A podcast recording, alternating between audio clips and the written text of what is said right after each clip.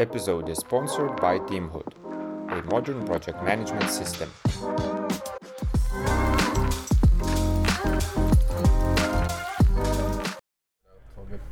So cozy sofa, Yes.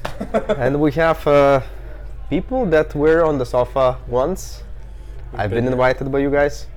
So we have Raimundas and Yannick. Hello. Thanks for joining Hey. us. Yeah, it's, it's interesting setup. Yeah, we need to share a mic. So That's we'll all see good. how it works. Yeah.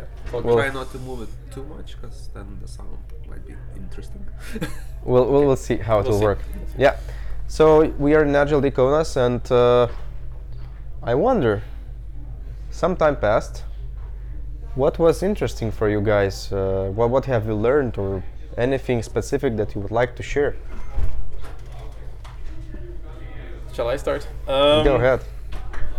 Yeah, I've been mostly involved in open spaces today. I've not really done any of the workshops, but uh, so far, great success. I think uh, format is slightly different than last year, but I think it's better. Like we have a, lo- uh, more sessions now. It's like half an hour per session, and uh, I don't know. I've been pleasantly surprised with the topics. They've been fun. Uh, very short bursts, but a lot of information.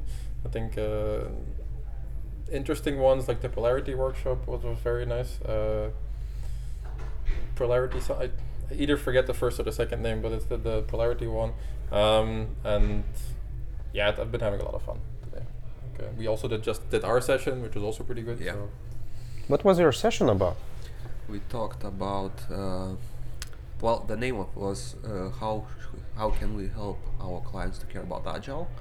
Um, so in es- in essence, we talked about and we had a pretty good discussion of what are the boundaries of agile team, and the premise was, let's say, if you are creating a product which is uh, the, the example like to, to just clarify is like it's you have a client because we are outsourcing company we have a client and we're building a product which is for their internal system let's say we're digitizing some process or something and you Yep.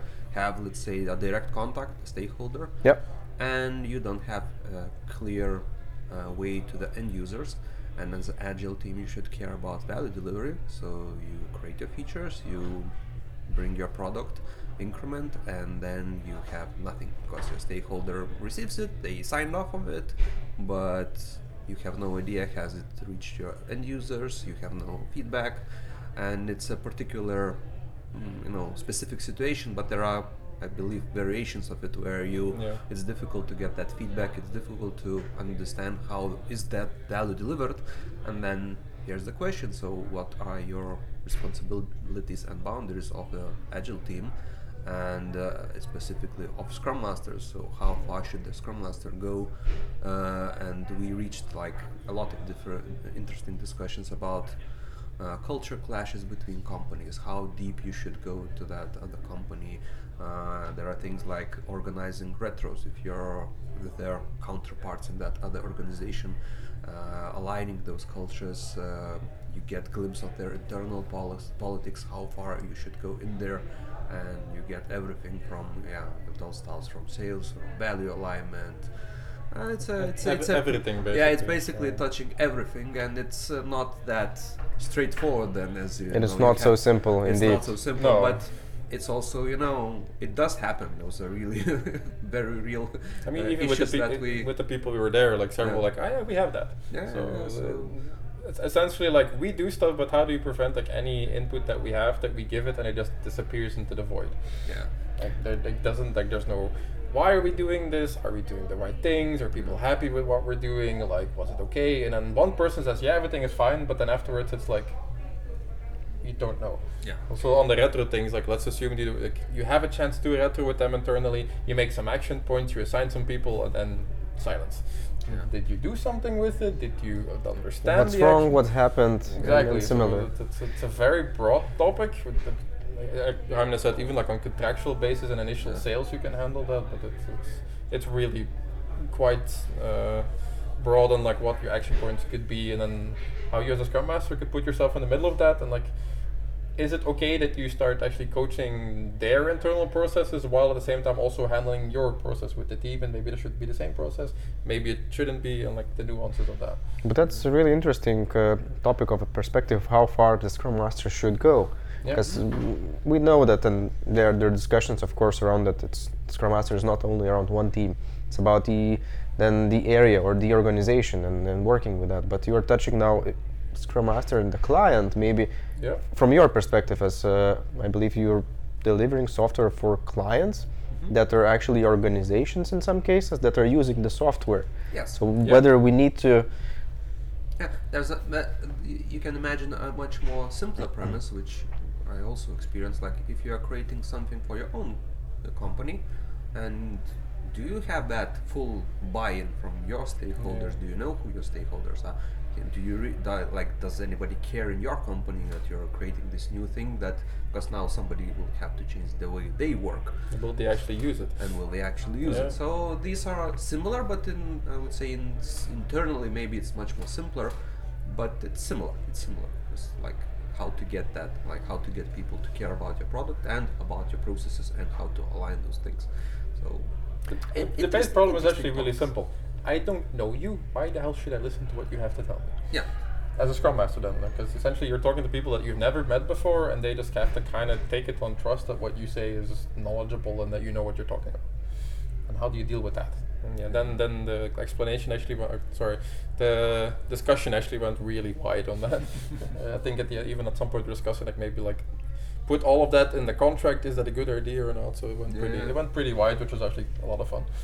Contracts are in general uh, something very risky because they define very specifics how to operate or what to do and essentially ball and chain, right? As soon as the contract is set, like budging from that, very quickly the door gets shut in your face, and uh, n- uh, it's, it's, it's done by that point. yeah. not too many choices. Uh, but I wonder if we, disc- we if, if you said that uh, yeah, Scrum, Scrum Masters potentially can go and, and work with clients organization, uh, what about product ownership? Because I mean, we, we in general create product, yeah, yes. and So we kind of need to do that, or Yes, and Yeah. uh, this goes directly into the product part also, so it's part of the discovery. And yeah, my advice and what I try to do is try to get to those end users as fast as possible. Again, this is uh, uh, and this is one of the things like we discussed that it's sort of part of knowing how to sell. So it's personally personal sell, sales skills. There is that advice like if you want to grow yourself professionally, one of the skills that you should try to learn is sales skills, and it goes for a lot of people. So try just Yeah. to sell your ideas, how you sell what you are trying to do. So as a product owner, you try to sell to the stakeholder what is needed, that you need that access, that you need to get to the end users and uh, uh, those people who will actually use the product.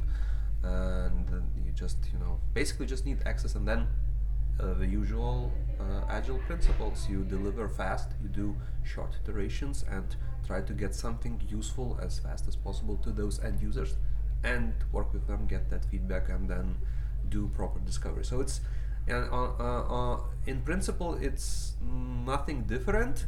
It's just that the context is so so different context, so it brings like all new issues to deal with. So it's that part is challenging. Yep. So that's that's an inter- interesting topic, and yeah, we probably would continue and go on in, in you know expanding into the team, then into the team responsibilities, then maybe perhaps. So what are the expectations from clients? And I, I guess it's it's endless where we can go. Not only that, but like, do you do you trust a situation where you put like your team in a room with like the actual end users, with maybe a stakeholder from their part? Like, how do you handle like a situation that could should essentially be professional, quote unquote, like, and all those nuances with that? Because, um, yeah. Apart from that, uh, gentlemen, what are your expectations uh, for the next things during the day within Agile Day Kaunas? There is a KPI discussion going on after this, which I'd very much like to go to because there's a, it's the it's one that, interests me a lot of like KPIs between teams. Like how do you compare two agile teams on like whether one is more performing than the other? That's Ooh. always been a very a dangerous, very dangerous, but also a very interesting topic of like. Uh, it go- also goes into like I think just after lunch we had a discussion of like when do you are you a scrum master? Like when does someone else consider you a scrum master? Like uh, this is all in the same line of things of like when do you think of based on what metrics is your agile team performing and then how do you start comparing that? So i'm actually very interested how that will go because uh, I'm, curious if people are doing it what they think about it like what traps they're seeing so. To how we measure, what are the metrics, Should- whether the teams are successful, should we measure, should we Yeah. compare, and that's uh, like yeah, that's indeed metrics in an something team interesting. is always a very dangerous but very interesting topic. So that, that's definitely one that I'm still looking forward to today. And then whatever Thomas comes up with as closing, because he usually finds something fun to do. Absolutely, Yeah, totally agree. What about you, Raimundas? Uh, I honestly I don't know what's gonna what's what are the next topics. So I'm keeping it agile. I'm just gonna go check the board. So whatever draws my interest, I will go there. I'm sticking to the open space today. So I'm keeping it simple. Fan of the open space. Yeah, Yeah. well, it's it's a it's it's a very good format, and uh, I liked the format last year, but I believe the topics are really way better this year. So I'm Okay. really- I'm enjoying it much more this year, definitely. That's really great. So Yeah. thank you for joining us. Thank you for Our being here today and sharing the, the perspective of yours. It's as always interesting to have a chat and see you next times. Definitely. Thank, Thank you. you. Thank you.